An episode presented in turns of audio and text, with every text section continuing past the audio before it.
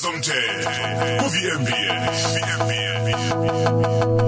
11 to 8 Judge Hadebe sikubingelele sikwamukele. Sanibonani balaleli. Sanibonani nani imbokodo nani basakazi bokhozi FM Judge Hadebe sibheka into e- ebalekile la ukuthi siyibheke njengoba kuyinyanga yabantu besifazane. Sibheka imigudu ekufanele mayilandelwe umuntu wesifazane ozibona sengathi uhlukumezekile sekufike la esigabeni la so- sokuthi yena ufuna ukuthi avule icala. Ikuphi ekufanele makakwenze? Lana sizobheka kakhulu ngomkhakha we-domestic violence. Ukuhlukumezeka lokhu kuza ngendlela eyiningi kungaba i-assault. Umuntu akushaye kungaba i-rape yasendlini njengoba sake sathi ukuthinda ngayo. Kungaba ukuhlukumezeka ngokwezemali nokuhlukumezeka ngokomoya. Angazi ngathi i-emotional abuse mhlawumbe umuntu akuthuki nje endlini. Akufuneki abantu besifazane bangazi ukuthi benze njani ngokomthetho. Ngiyakubona lokhu mhlambe okungalandela ngokwe ngokwesiko nangokomndeni kulanda umndeni. Na umndeni ungawulanda. Kodwa la sengikhulumela ngakwezomthetho kukhona ingxenye enkantolo eyavulwa nje ivulelwa kona ukusukumezeka yize nabesilisa bemukelekile kodwa namhlanje njengoba kuyinyanga besifazane nje xuxula kakhulu kwabesifazane. Uyaye kufanele umuntu enze i-affidavit.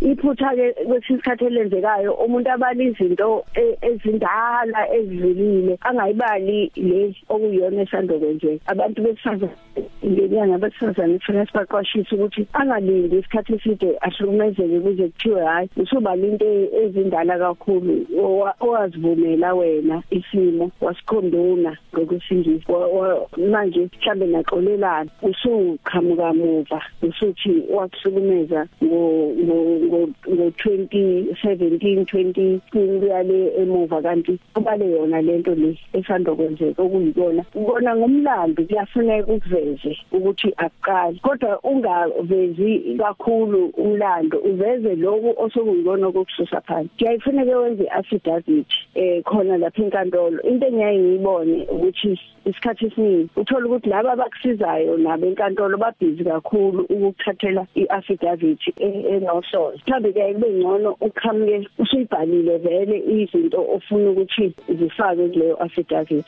Abese ke uclerk wecourt mabhalati uzobe eseyiqale eyiqazi eyihlaziya abese yisa kumanje manje uzokhipha isinqumo ke sokuqala esithi interim order esinika nalo wesilisa ithuba lokuthi aziphendulele kodwa ngaleso sikhathi kusenaleyo interim order ukuthi i-order yesikhashana akungaqhubeki ukuhlukumezeka. Bese bekunika i- i- usuku o- okufuneka ubuye ngale nkantolo. Ikhathi eningi mhlambe ngithi u50% wekhathi uthola ukuthi kufika lelo suku lo okuhlukumezayo sebrasha brashile waxolisa wakwenza ukuthi u- u- inkantolo ungabusabuyela ungabuyelanga ke ngelanga lesibili lo kuthiwa nobuya ngalo sekuzoqulwa ke manje icala kuyaye bese leyo file ibhala bese kuphela kanjalo ngokuhlukumezeka kwakho. Aqhubekeke lo wesilisa akuhlukumeze akuhlukumeze. Bese umasubuyela enkantolo sokufuneka uqale phansi icala wenzelini uma ngabe ubuyelile nongcebo kuyaye bese ku- kukhishwa ke isinqumo sokugcina.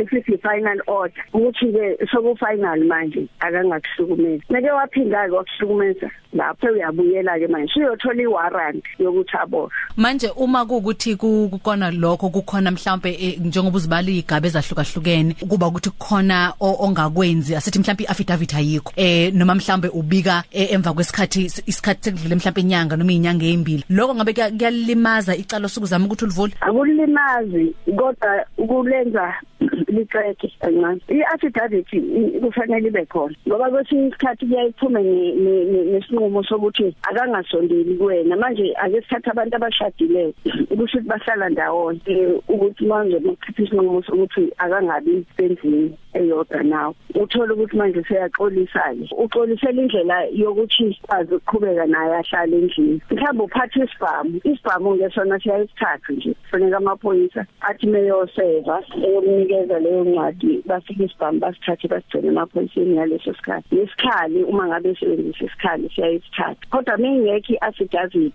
echazayo ikakhulu ezochaza isigameko esenzekile nje esiseduze. Lezi ezakudala ziyayisize ukukhombisa ukuthi ngempela lo muntu lo unodlame. Ziyasiza zona kodwa zisiza ukusekela lesi okuyishona esesikuvuse ekuseni sakise enkantolo uma ngabe kakhulukazi ukuhlukumeza lokhu kujwayi kuvame uhlukumeze kakhulu ngokushaya. Mokuhlukumeza kokuncishana ngemali ukuthi mhlambe akakuniki imali angithi kunomehluko phakathi kwe maintenance ne financial relief ukuthi okwesikhashana akakuniki imali akhokhe isamba esilaka. Kuyimani izoya e maintenance court kusho ukuthi yonke leyo nto iyayifuna i-affidavit. Kuzokala kahle kakhulu Judge Hadebe sibonga kakhulu ukuthi benathi namhlanje kuyona ingosi yethu ezomthetho. Yebo ngithi abantu besifazane abaqaphele bangavumi isimo siqhubeke umuntu aza kubulale ulemhleli esimeni esingasizo 4 minutes to 8 VMBS ukhosi FM luhamba phambili.